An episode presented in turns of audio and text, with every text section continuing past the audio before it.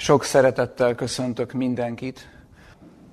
Ahogy a Biblia áttekinti az Isten szemszögéből az emberi történelmünket, azt tárja elénk, hogy a történelmünknek voltak nagyobb fordulópontjai, de ezek előtt, a nagyobb fordulópontok előtt az Isten mindig adott valami mentő üzenetet az emberek számára. Ilyen volt például az özönvíz előtti időszak Nói napjaiban. Ilyen volt Krisztus megszületése előtti messiás proféciáknak a sokasága. Sorolhatnánk többet is, de most ez a kettő elég lesz arra, hogy érzékeltessük, hogy Isten bőségesen akart gondoskodni arról, hogy az emberek menekülni tudjanak, mégis valami különös hitetlenség és valami másfajta érzelmi beállítódás volt az, ami az embereket akadályozta, hogy az Istentől küldött üzenetet elfogadják. A történelem záró napjaihoz tartozó üzenetet jelenések könyve 14. fejezetében olvashatjuk el, ott a hatodik verstől egészen a 12-ig. Ezt otthoni elolvasásra kínálom minnyájunknak, mert én ebből az üzenetből csak egyetlen mozzanatot szeretnék ma kibontani, és ezt is olyan módon, hogy én magam is érzékelem azt, hogy ennek az üzenetnek a tartalma fölöttem áll. Én erről úgy érzem, hogy nem tudok hitelesen szólni, de szeretnék.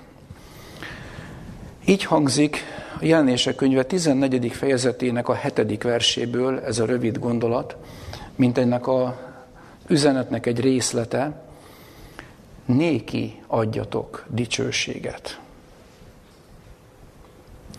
Nyilván, aki előveszi a Bibliát és hozzáfog ennek az üzenet együttesnek az átgondolásához, találkozni fog ezzel, amit itt a hetedik versben olvasunk, néki adjatok dicsőséget. De ezzel a szóval, ha kimennénk az emberek elé, nem értenék. Így, ahogy le van írva itt a Bibliában, mintha le kellene fordítanunk az embereknek a mai fogalmaihoz és nyelvéhez, hogy értsék, hogy egyáltalán ez mit jelent.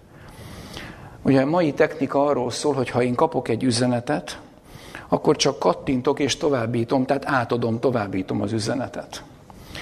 És ez is egy kicsit az üzenet továbbadásának a gondolatát sekélyesíti, mert ennek az üzenetnek nem ennyi az értelme, hogy kapok egy szöveget és továbbítom a szöveget. Itt ennél sokkal mélyebbről van szó, ezt szeretném egy kicsit megosztani veletek.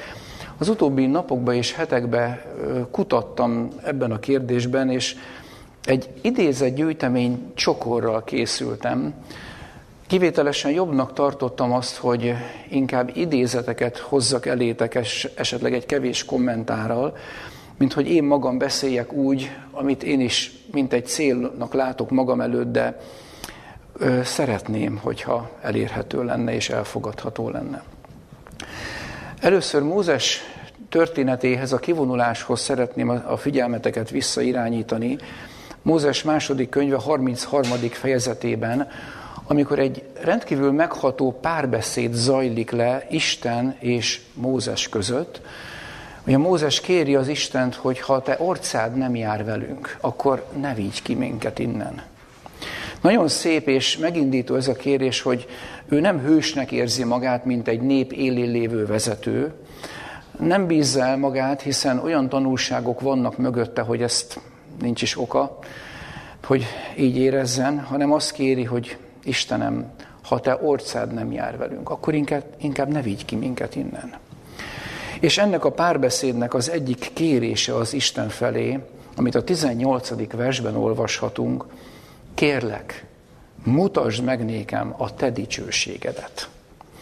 És az Isten az ő jellemének a jóságát vonultatja el, és ez az, ami Mózes számára megnyugtatólag hat, hogy az Isten jelleme, ami a dicsősége, elvonul, ezt ő hallja, az Istent hátulról látja, és ez az, ami egy olyan képet állít Mózes elé, hogy lássa azt, hogy nem neki van szüksége arra, hogy ő vezető legyen, hanem annak az Istennek a, a ragyogását, jellemének a tündöklését szeretné képviselni a nép előtt, amit ő is kért, hogy Uram, mutasd meg nékem a te dicsőségedet. Itt Ellen White-nak a Jézus élete című könyvéből szeretnék egy rövid mondatot a Jézus gyermeksége című fejezetből idézni. Különös, ahogy egy írás erre így rámutat, hogy Jézus jelleme csodálatosan kiegyensúlyozott volt gyermekként. Hogyan? Hiszen tudjuk, hogy olyan helyen nevelkedett föl, ami inkább hírhet volt, ugye Názeret, hogy onnan támadhat-e valami jó.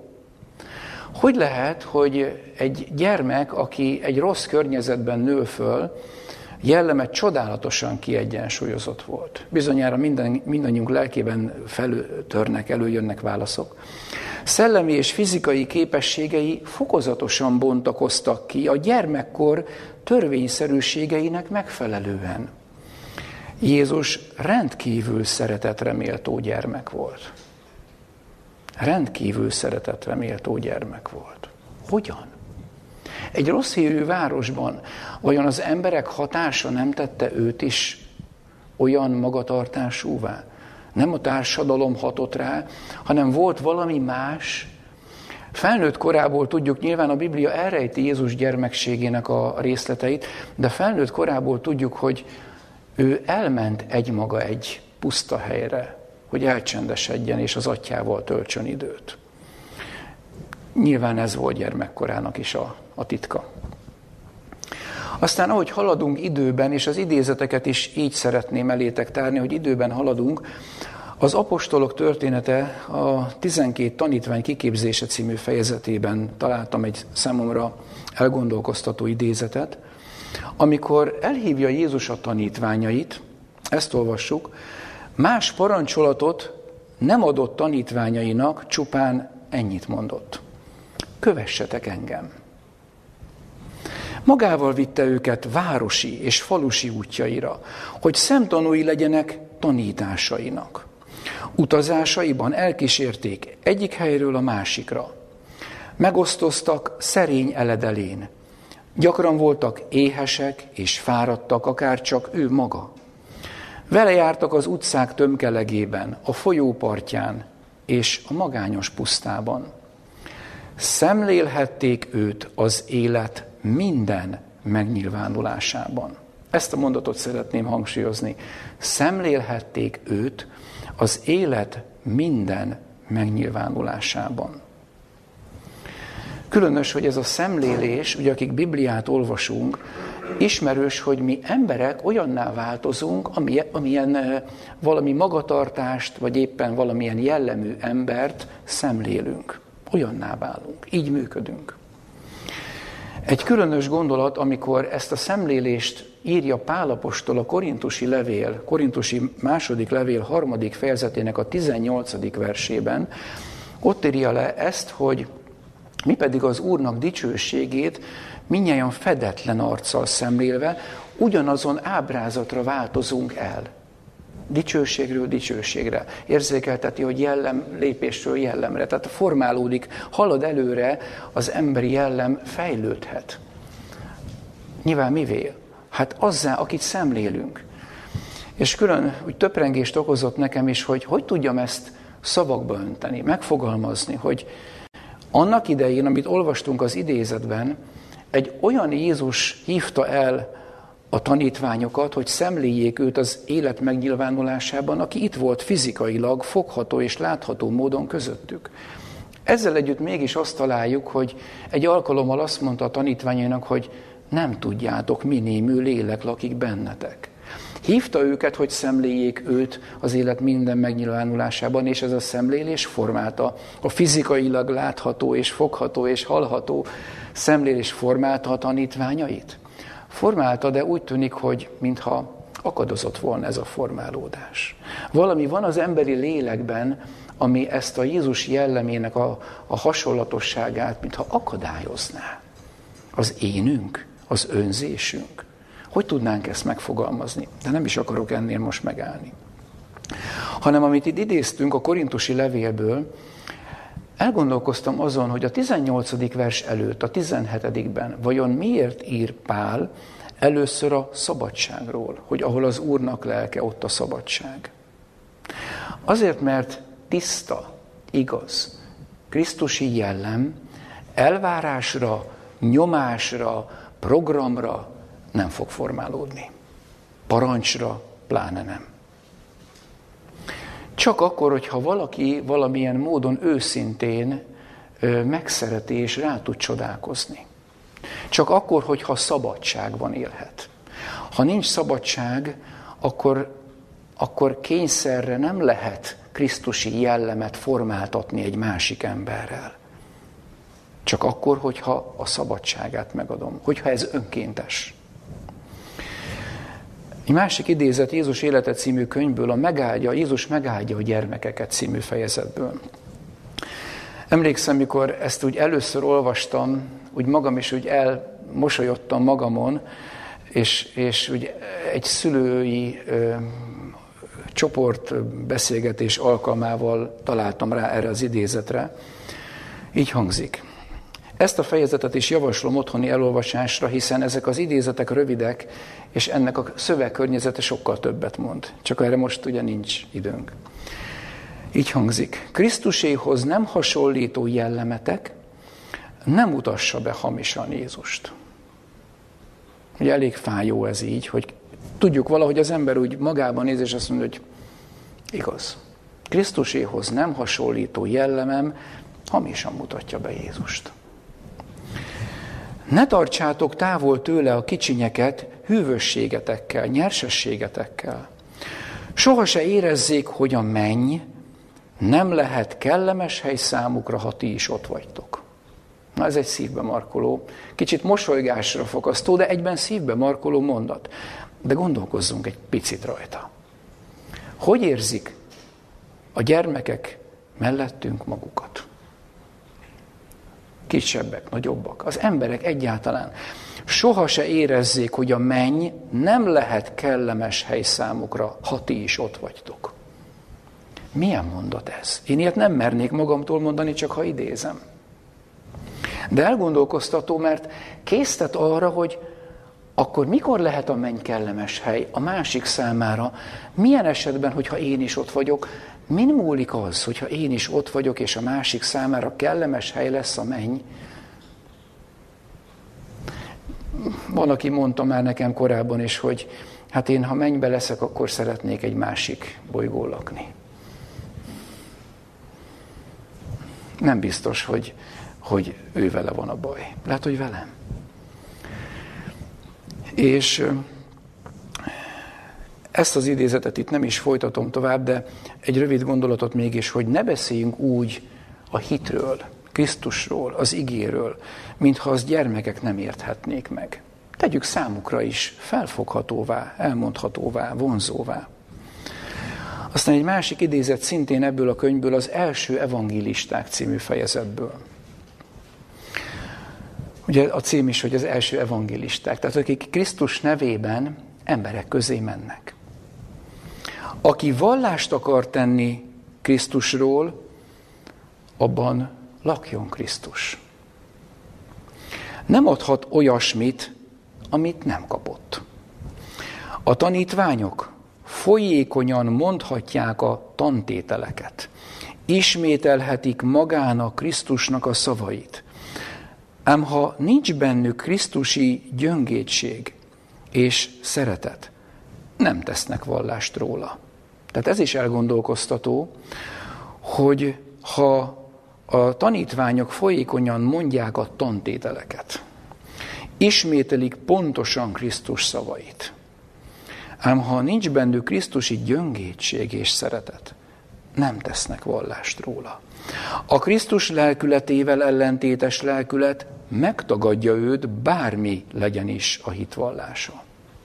Ez is egy erős gondolat, hogy, hogy mi megtanulhatjuk a Bibliát a legpontosabb módon, összefüggéseiben, idézhetjük tökéletes pontossággal, mégis itt azt mondja, hogy a Krisztus lelkületével ellentétes lelkület megtagadja őt, bármi legyen a hitvallása. Tehát lehet a hitvallás rossz és jó is, tehát de itt arra gondol, hogy ha jó, és ha idézem Krisztus szavait, de az ő lelkületével ellentétes lelkületűt megtagadja, még akkor is, ha jól idézem a szavait. Tehát lehet Biblia ismerettel Krisztus tagadó lenni egy embernek? Igen. Vajon miért írja, hogy az Pálapostól a szeretet himnuszában, hogy ha jövendőt tudok is mondani, ugye a Korintusi első levél 13. fejezetében, én ezt javasolnám, hogy időről időre, hétről hétre, napról napra olvassuk el magunknak. Miért mondja ezt Pálapostól, hogy ha jövendőt tudok is mondani, tehát kik ismerik a jövendőt? Azok, akik a proféciával foglalkoznak. Minden titkot és minden tudományt ismerek is. Tehát titkokat, tudományokat ismerek. Ha egész hitem van is úgy annyira, hogy hegyeket mozdíthatok ki helyükről. Tehát elég megrázó ez, hogy ha egész hitem van, úgy annyira, hogy hegyeket mozdíthatok ki helyükről. Hát hite lehet annak is, hogy hegyeket mozdít ki a helyéről, akinek pedig azt mondja, szeretet pedig nincsen én bennem, semmi vagyok. Akkor a szeretet micsoda? Mi az, amit szeretetnek nevezhetünk? Mire kérte Mózes az urat, hogy mutasd meg nékem a te dicsőségedet? Miről szól ez? És az Isten dicsőség az ő szeretetében, az ő jóságában van. És azt mondja, hogy ha ismerem a jövőt, a titkot, a tudományt, ha egész hitem van, szeretet pedig nincsen én bennem, semmi. Nem azt mondja, hogy kevesebb, vagy nem érek annyit, azt mondja, semmi. Tehát semminek állít engem. Semminek. Semmi vagyok. Hát egyikünk se érzi magát semminek. Mindenki valakinek érzi magát. És szoktuk is hivatko- szoktunk is arra az igére hivatkozni, hogy hát Krisztus meghalt értem. Igen, erről ismertük meg az ő szeretetét. És abból a szeretetből vajon mi jut tovább? Érdekes ez, ahogy Jézus az írás tudókkal is annak idején beszélgetett, János Evangéliuma 5. fejezetében olvashatunk egy rövid szakaszt erről, talán odalapozok még. János Evangéliuma 5. fejezetéhez.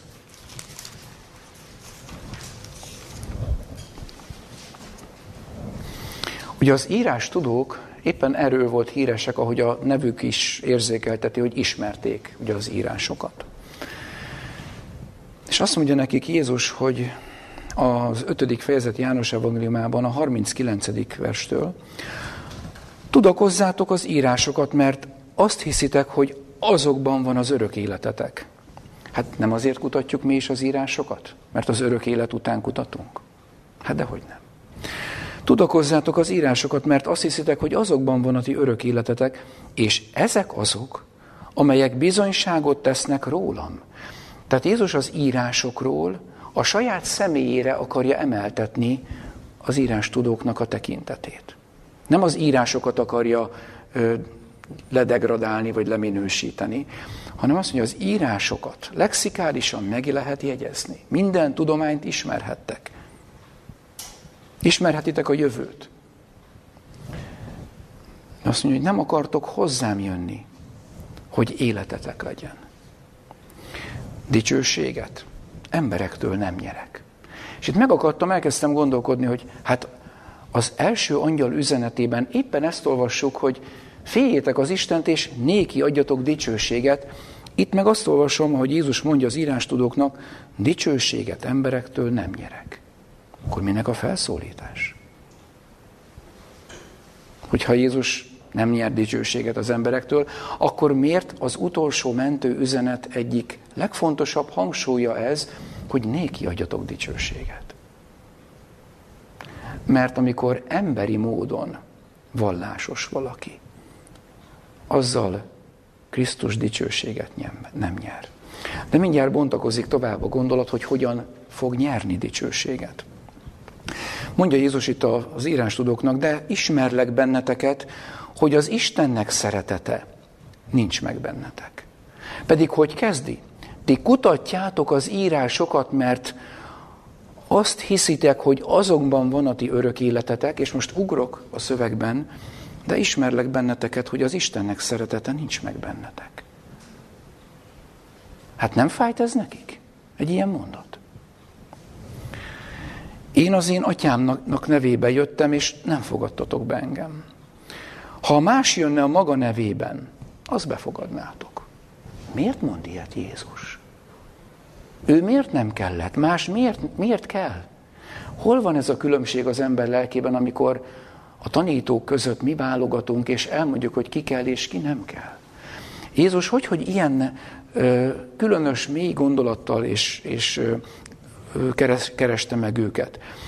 Én az én atyám nevébe jöttem, és nem fogadtatok be engem. Ha más jönne maga nevében, az befogadnátok. Mi módon hihettek ti, akik egymástól nyertek dicsőséget? Na itt a baj. Egymástól nyernek dicsőséget. És azt a dicsőséget, amely az egy Istentől van, nem keresitek. Itt a dicsőség kérdésében az emberi látások megoszlanak. Ne állítsátok, hogy én vádollak majd titeket az atyánál. Van, aki vádol titeket. Mózes, akiben ti reménykedtetek. Mert ha hinnétek Mózesnek, nékem is hinnétek, mert én rólam írt ő. Ha pedig az ő írásainak nem hisztek, mi módon hisztek az én beszédeimnek? Nagyon különös, amikor egy ilyen párbeszéden elkezdünk gondolkodni, és többet is lehetne még ebből kifejteni, szeretnék tovább haladni. Különös és felevelőnek tartom azt, amikor itt megálltam, amikor Pál a korintusi levélben is elmondja a szeretet himnuszánál, hogy ha szeretet pedig nincsen én bennem, akkor semmi vagyok. Amikor úgy gondolkoztam, akkor megálltam, és úgy végig pörgettem a Biblia általam ismert részleteit magamban, és úgy megosztok néhány gondolatot veletek. Ugye a Lukács Evangélium a tizedik fejezetében egy írás tudó oda megy Jézushoz, kísértve őt, fölteszi a kérdést, hogy jó mester, mit cselekedjek, hogy az örök életet vehessem. És ugye Jézus visszakérdez, hogy a törvényben hogy van megírva, mint olvasod. Ugye nyilván egy írástudónak a törvényre szükséges hivatkozni.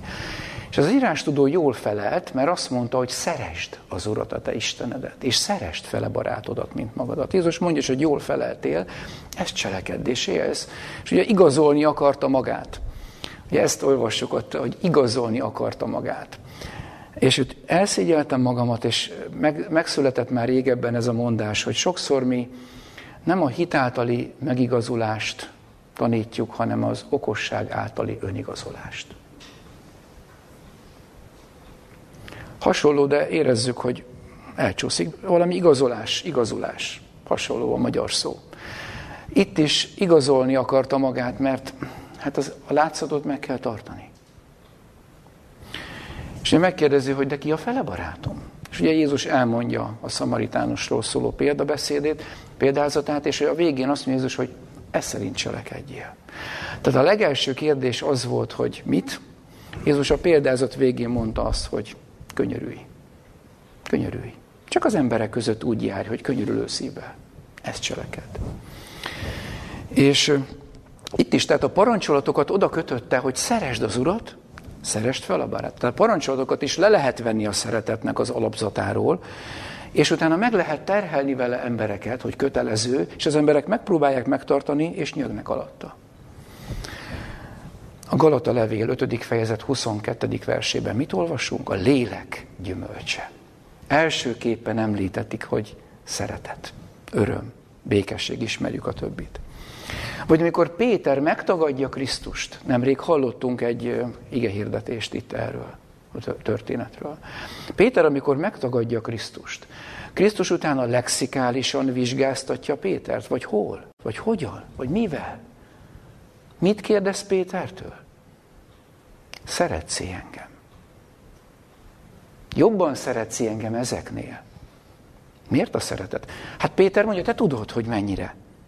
Én már nem tudom saját magamról, nem tudok nyilatkozni, mert, mert nem jól nyilatkozok magamról. De te tudod, hogy mennyire szeretlek.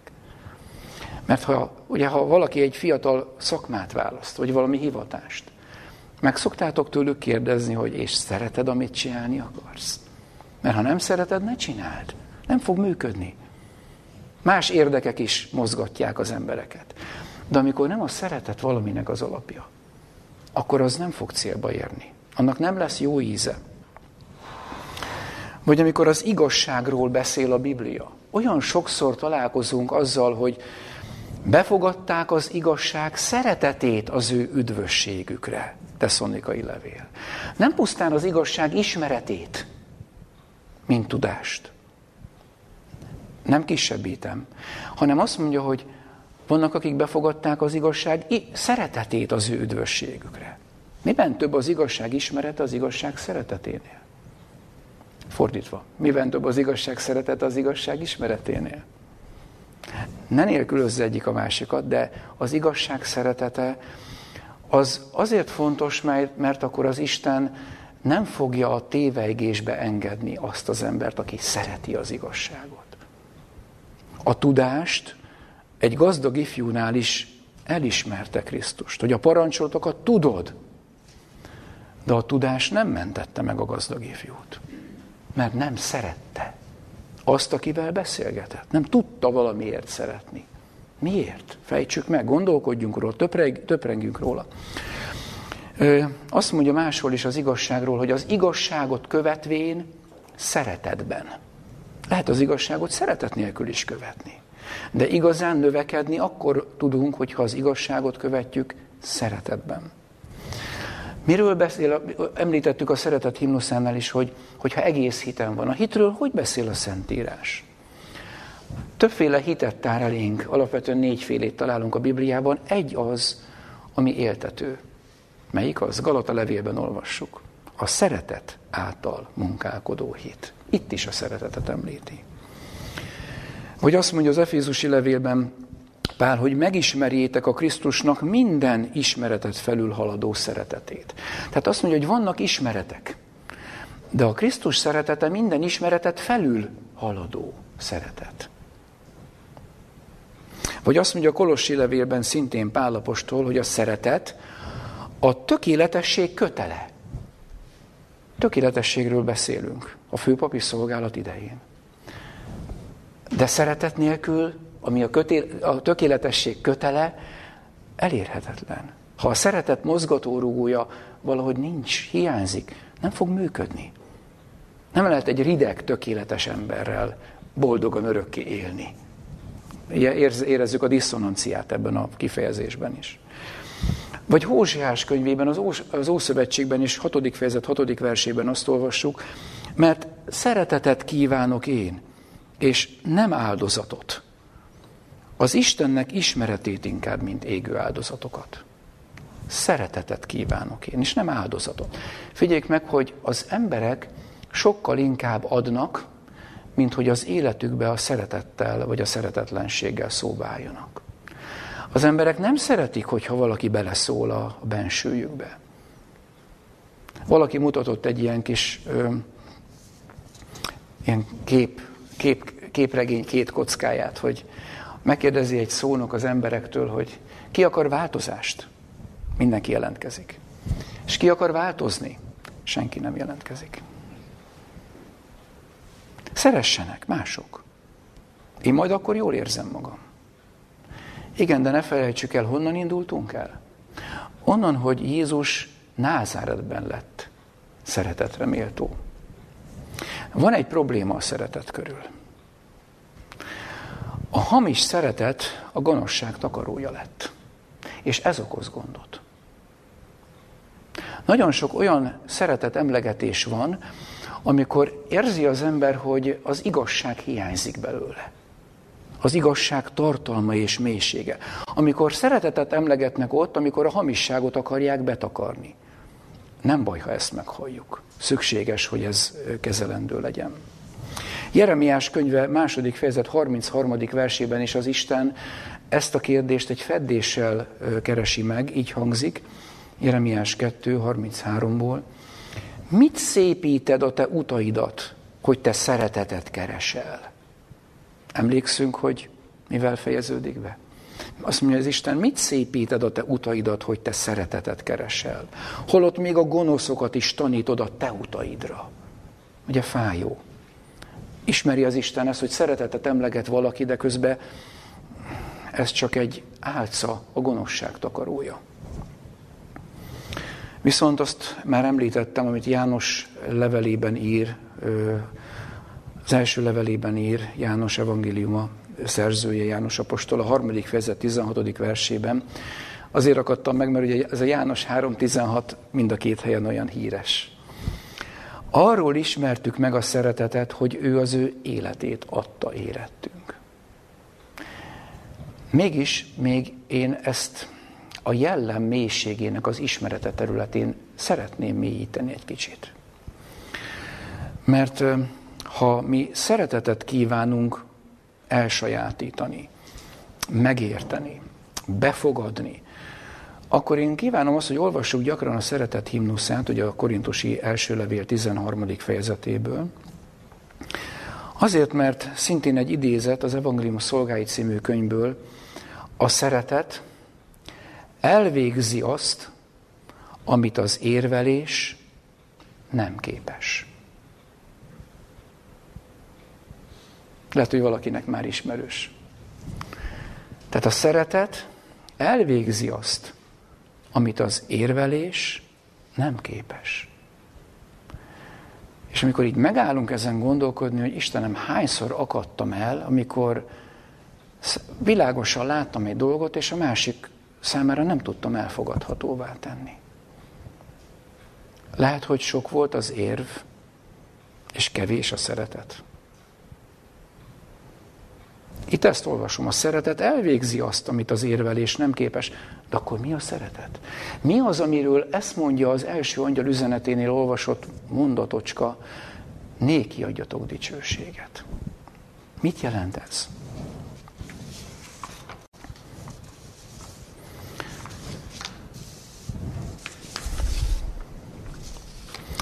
A Nagy küzdelem vagy a Korszakok nyomában című könyv 33. fejezetéből is egy idézetet szeretnék veletek megosztani.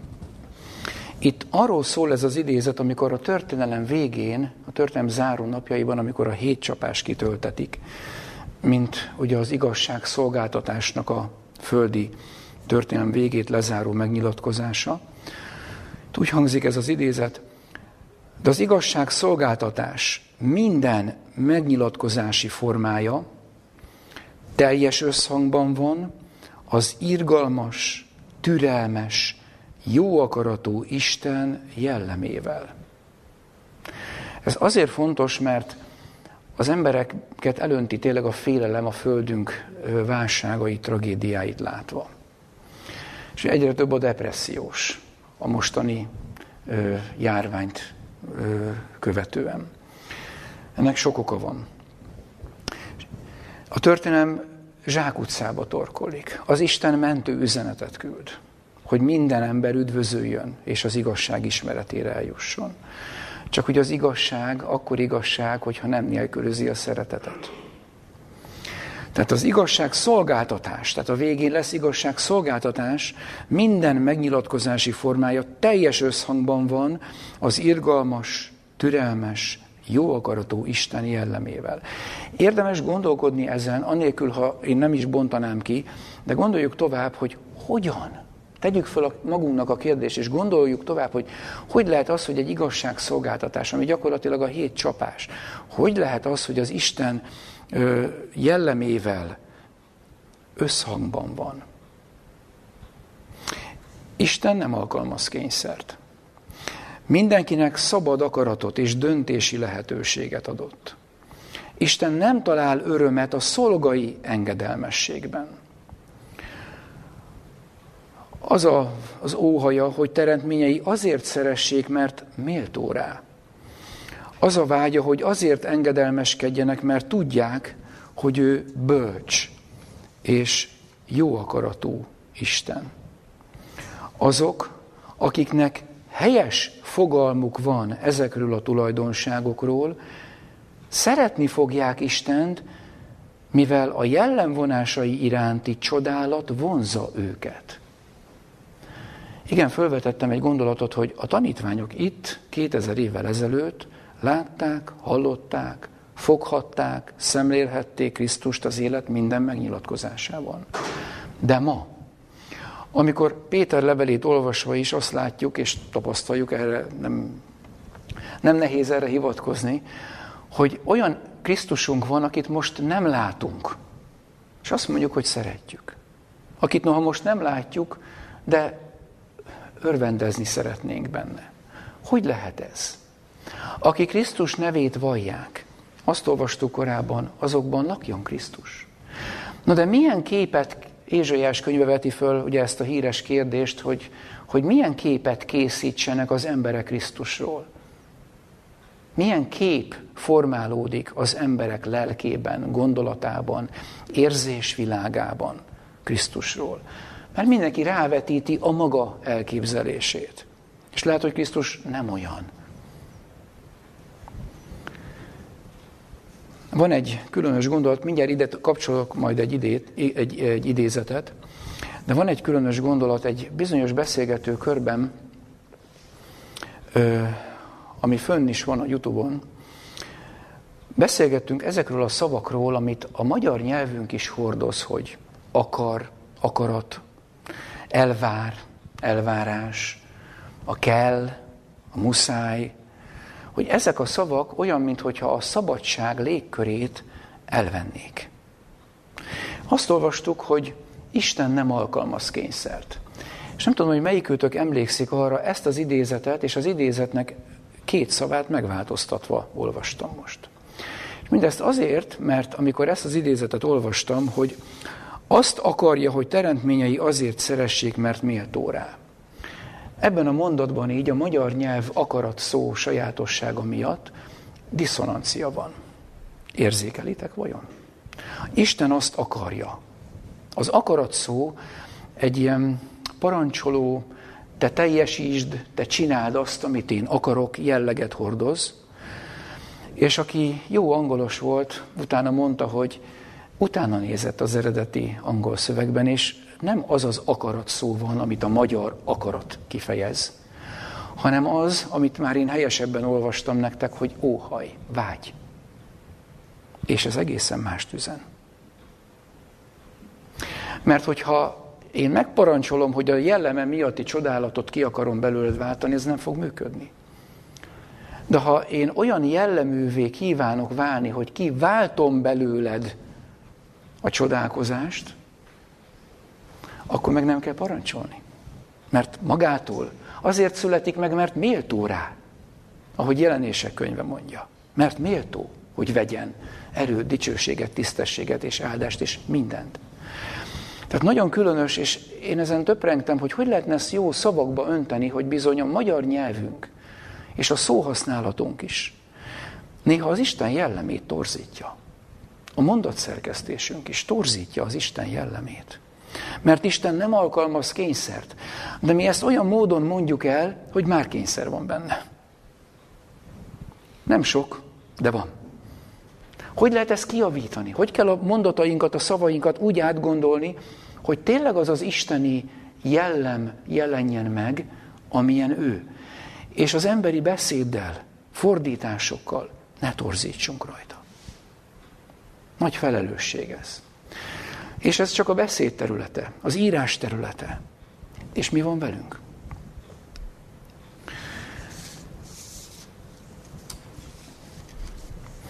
A Krisztus példázatai című könyvben is egy nagyon szép idézeten gondolkoztam el, így hangzik. Isten félre ismerésének sötétsége burkolja be a világot. Vagy mindenki jól ismeri az Istent? Tudnak róla, hogy van. De a félreismerésének sötétsége, a sötétség miből van? Nem a tagadásból, hanem a félreismerésből. Isten félreismerésének sötétsége burkolja be a világot. Az emberek elveszítették az Isten jelleme felől való igaz ismeretet. Nem az Isten tudása felől, nem, a jelleme felől való igaz ismeretet elfelejtették és elveszítették a szemük elől. A kegyelemteljes világosság utolsó sugarai, a kegyelem utolsó üzenete, amit Isten e világnak ad, szeretetteljes jellemének kinyilatkoztatása lesz. Szövegben vagy emberek által. Írásban vagy megélve. Hogy lehet az Isten jellemének a kinyilatkoztatásáról ö, hírt adni? Hát ha én valakinek azt mondom, hogy nézd meg Jézus jellemét, akkor visszakérdez, hogy hát nem látom. Ha olyan, mint te, akkor köszönöm, nem kérek belőle.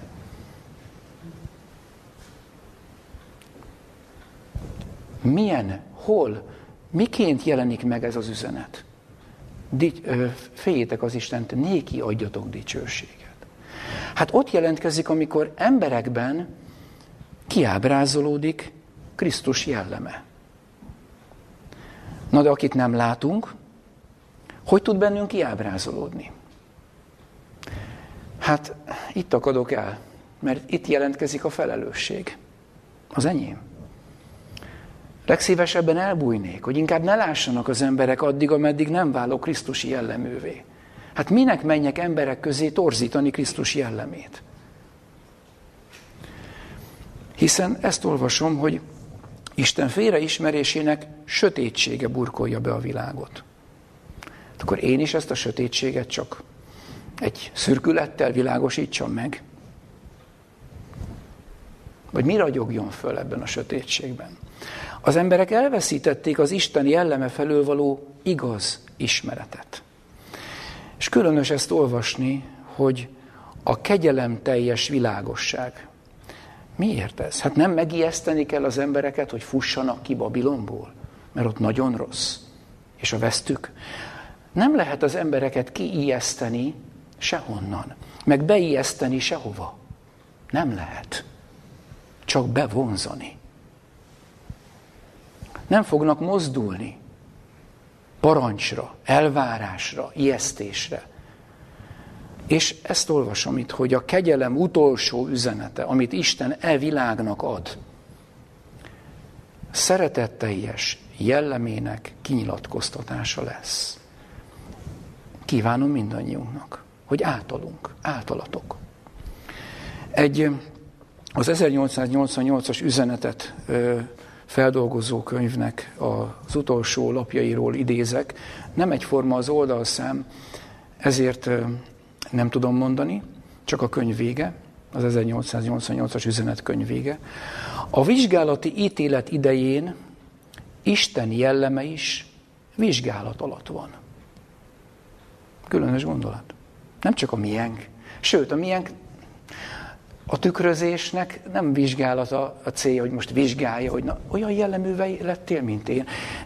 Szorongató érzéssel nem lehet Krisztusi jelleművé válni, hanem csak csodálattal. Amit olvastam is, hogy a jellemvonása iránti csodálat vonza őket.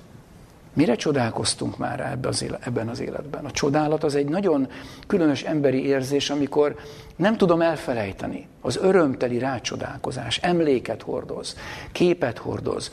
Olyanná akarok válni, ott akarok lenni, kívánkozom, mert ott jó. Majd még néhány rövid idézet ezt érzékelteti.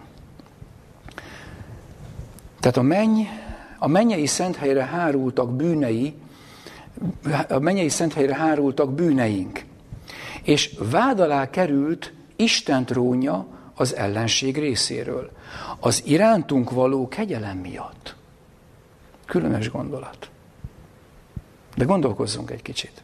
Isten jelleme is vizsgálat alatt van.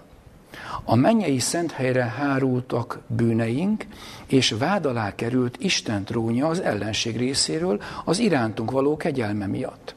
Isten a mennyei lények jelenlétében folytatja az ítéletet, hogy eljárásának igazságossága mindenki előtt nyilvánvalóvá legyen. Ilyen az Isten lényének az egyik vonása. A nyilvánvalóvá legyen. Megdicsőíthetjük Isten nevét ebben az időben jellemünk megtisztulása által. De magunkat nem tudjuk megtisztítani. Erre nem vagyunk mi képesek. csak megengedni tudjuk. És akkor, hogyha az ő jellemvonása iránti csodálat vonz minket. De csak akkor vonz, ha látjuk. De hol látjuk? Tele vagyok kérdéssel. Mi által látjuk? Szintén, ugye visszautolok a 2000 évvel ezelőtti Jézusi itlét egyik történeti részletére, Lukács Evangélium a 15. fejezetében, azt mondták a farizeusok, hogy bűnösöket fogad magához, velük együtt eszik és iszik. No ez a vád, ami ott egy kicsit megfogalmazódott, a történelem végéig motiválja sátánt Krisztus ellen. Mit akarsz te? Bűnös embereknek örök életet adni?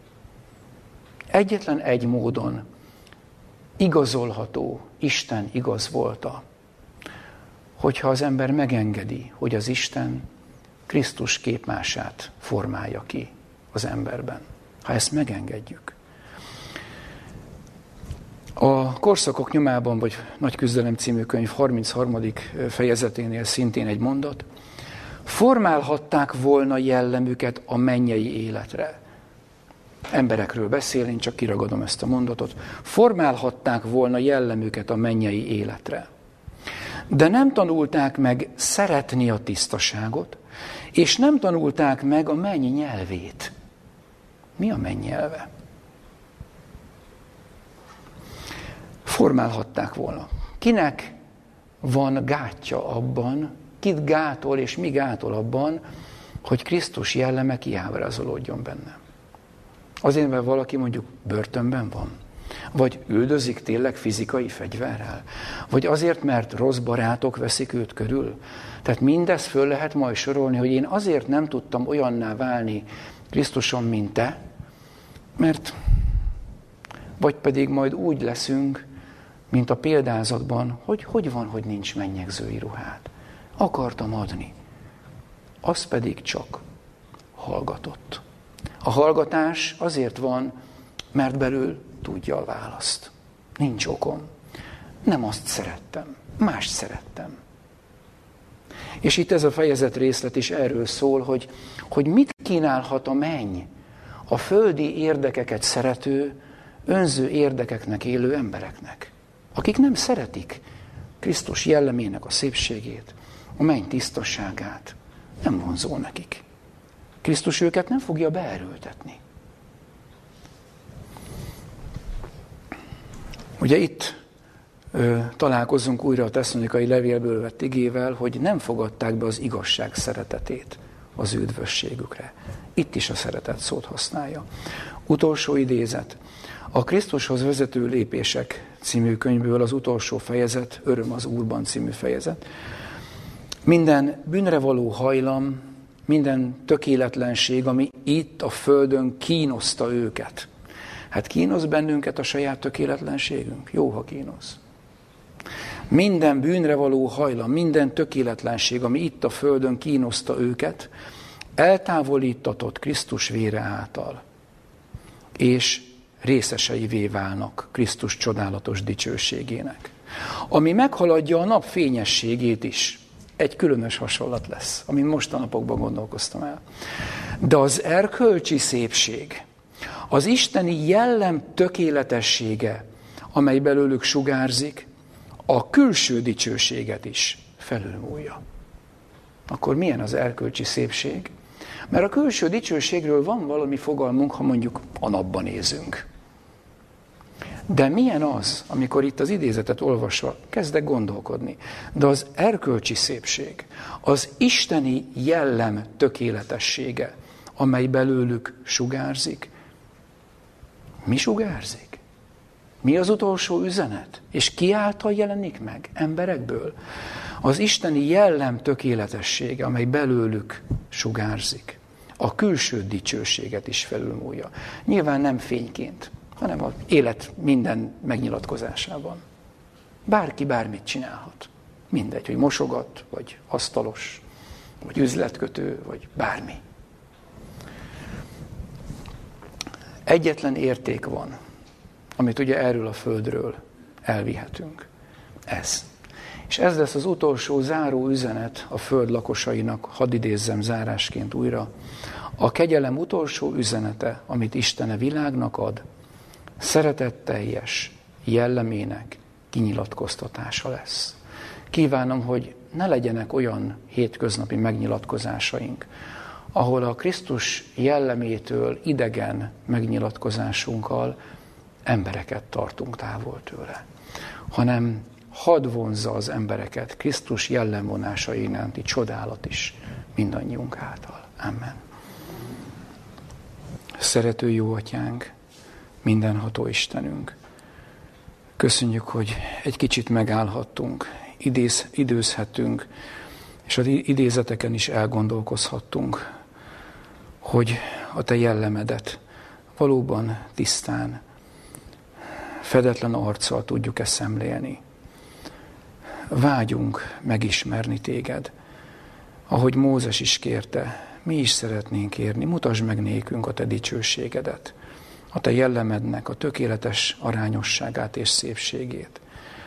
És bocsáss meg, hogy a hozzád nem hasonlító megnyilatkozásaink, amely torzítják a te jellemedet, olyan módon jelenítenek meg téged, hogy talán nem is kívánkoznak az örök élet felé azok, akik bennünket ismernek. Légy a mi gyógyítónk, és valóban ad, hogy a te jellemedre rá tudjunk nézni. Ahogy akár az evangéliumokat, ha olvassuk, akár a te emberek közötti forgolódásodat látjuk, különösen kérjük a te szent lelkedet, hogy világosítsa meg ezt mindannyiunkban, és formálj bennünket a te képmásodra az Úr Jézus nevében. Amen.